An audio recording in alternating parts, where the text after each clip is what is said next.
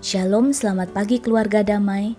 Kita bertemu kembali dalam program Sapaan Damai Sejahtera di hari ke-28 di bulan Januari 2021. Keluarga damai, bagi Bapak Ibu Saudara yang sudah tergabung dalam grup info damai, tentunya sudah mendapatkan bacaan Alkitab untuk hari ini, serta link sama setiap harinya. Alangkah baiknya apabila sebelum mendengarkan renungan Samas, keluarga damai menyediakan waktu untuk terlebih dahulu membaca bagian firman secara pribadi. Karena bacaan firman tersebut tidak selalu dibacakan secara penuh dalam program Samas. Dengan membiasakan membaca keseluruhan bacaan firman terlebih dahulu, tentunya akan membantu dalam kita memahami renungan firman tersebut. Dan saya juga menyarankan bagi keluarga damai yang belum bergabung untuk ikut serta dalam grup Hidup Kuat dalam Tuhan atau HKDT, di mana setiap hari kita bisa bersama-sama berbagi berkat yang kita terima melalui bacaan firman dan perenungannya, sehingga kita bisa terus saling menguatkan di dalam Tuhan. Keluarga damai, bacaan kita hari ini terambil dari Roma 9 ayat 6 sampai 18. Fokus perenungan kita saya ambil dari ayat 15 dan 16 yang berbunyi demikian. Sebab ia berfirman kepada Musa, Aku akan menaruh belas kasihan kepada siapa aku mau menaruh belas kasihan, dan aku akan bermurah hati kepada siapa aku mau bermurah hati. Jadi, hal itu tidak tergantung pada kehendak orang atau usaha orang, tetapi kepada kemurahan hati Allah. Keluarga damai, renungan kita hari ini saya beri judul Kedaulatan Allah yang tak pernah salah. Roma 9 menceritakan tentang pergumulan teologis yang dialami oleh Rasul Paulus. Sebagai teolog yang sangat berpegang pada Taurat, Paulus yakin bahwa Israel adalah umat pilihan Allah dan Mesias yang dijanjikan datang dari keturunan Israel. Namun, melihat kenyataan yang ada pada saat itu, di mana sebagian besar orang Israel justru menolak dan bahkan menyalibkan Yesus, apakah berarti pilihan Allah atas Israel itu salah atau gagal? Dalam pergumulannya ini, Paulus dengan tegas menyatakan di ayat ke-6, "Tetapi firman Allah tidak akan gagal." Paulus menggali lebih dalam melalui kisah bapak leluhur Israel di ayat 7 sampai 13. Bagaimana Allah memilih Ishak dan bukan Ismail, Yakub dan bukan Esau. Bukan putra tertua yang menjadi pewaris, namun justru yang bungsu. Di sini terlihat bahwa Allah memilih bukan berdasarkan cara pandang manusia, namun berdasarkan kasih karunia dan kedaulatannya. Ketika Allah memilih yang satu dan bukan yang lainnya, apakah ini berarti bahwa Allah tidak adil? Bukan. Allah yang kudus dan maha kasih tidak mungkin tidak adil. Masalah pilihan adalah masalah kasih karunia. Seperti tertulis di ayat 15, belas kasihan dan kemurahan Allah diberikan menurut kehendak Allah, bukan kehendak manusia atau usaha manusia. Bangsa Israel gagal memahami kedaulatan Allah ini. Mereka berusaha mengejar keselamatan bukan karena iman, tetapi karena perbuatan. Keluarga damai, kebenaran sejati yang diajarkan Paulus di sini adalah bahwa firman Allah tidak pernah gagal. Kedaulatan Allah tidak pernah salah. Ketika Israel memilih untuk menolak Kristus, Allah tetap dapat menggenapi rencananya dengan memilih orang-orang bukan berdasarkan keturunan atau perbuatan baik mereka, melainkan berdasarkan anugerah dan kemurahannya. Kita pun bukan keturunan Abraham, tetapi Allah telah memilih kita berdasarkan anugerahnya untuk percaya kepada Yesus Kristus. Kedaulatan Allah dalam memilih memang merupakan suatu hal yang mungkin sulit dimengerti dan di luar kemampuan pikiran kita. Pikiran manusiawi kita mungkin sering menggoda kita. Bagaimana kalau Allah salah memilih? Bagaimana kalau eh, ada seorang yang begitu jahat, lalu akhirnya memilih untuk percaya? Apakah berarti Allah telah salah?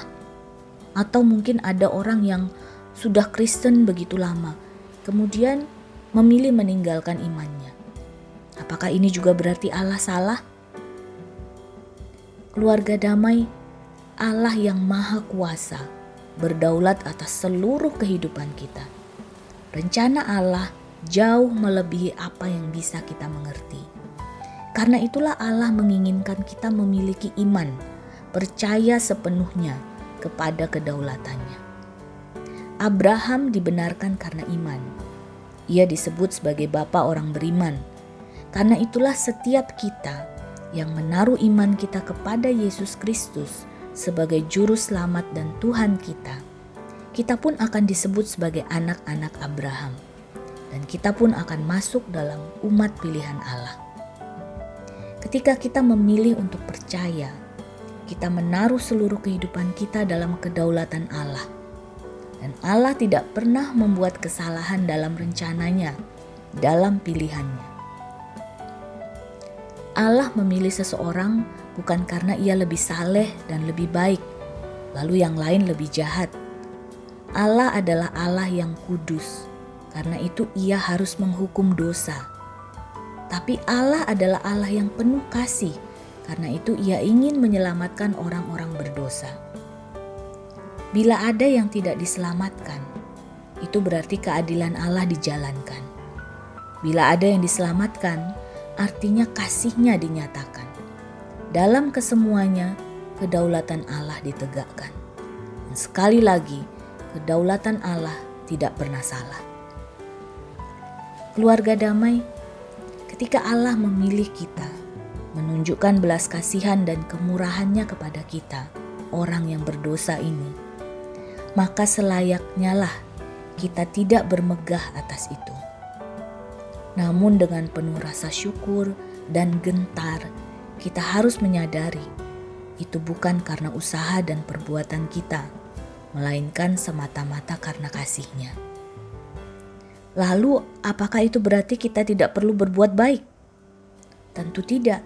Setiap orang yang sudah diselamatkan menerima Roh Kudus dalam hidupnya, dan Roh Kuduslah yang mengajar dan memampukan kita untuk berbuat kebaikan sesuai dengan kehendak Tuhan.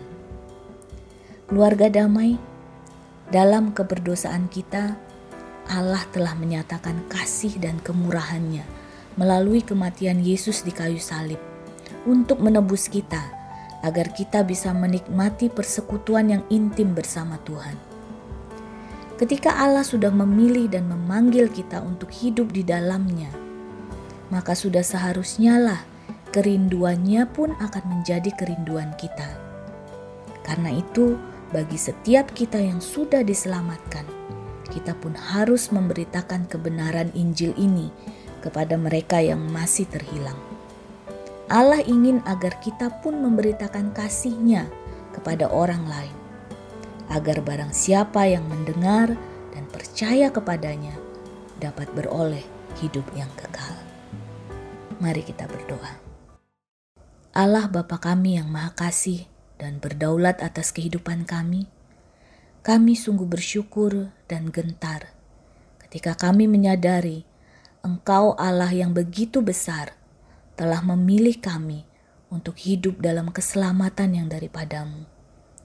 Kasih dan kemurahanmu belaka telah membawa kami untuk hidup dalam persekutuan yang indah denganmu. Ampuni kami Bapa, kalau mungkin kami masih sering meragukanmu, dan mungkin kami merasa Engkau tidak ada bersama kami dalam segala tantangan hidup yang harus kami hadapi. Ampuni kami ya Bapa, kalau terkadang kami masih lebih bersandar pada kemampuan kami sendiri. Biarlah kiranya firman-Mu pagi ini boleh mengingatkan kami kembali akan kedaulatan-Mu dalam hidup kami. Sehingga kami pun boleh menikmati persekutuan dengan-Mu dalam kasih dan kemurahan-Mu. Terima kasih Tuhan, di dalam nama Yesus kami berdoa. Amin. Keluarga damai, adakah keresahan yang mengganggu hati saudara? Mari kita tunduk dalam kedaulatan Tuhan dan yakin bahwa rencana Tuhan tak pernah salah, termasuk rencananya atas hidup saudara dan saya. Tuhan memberkati.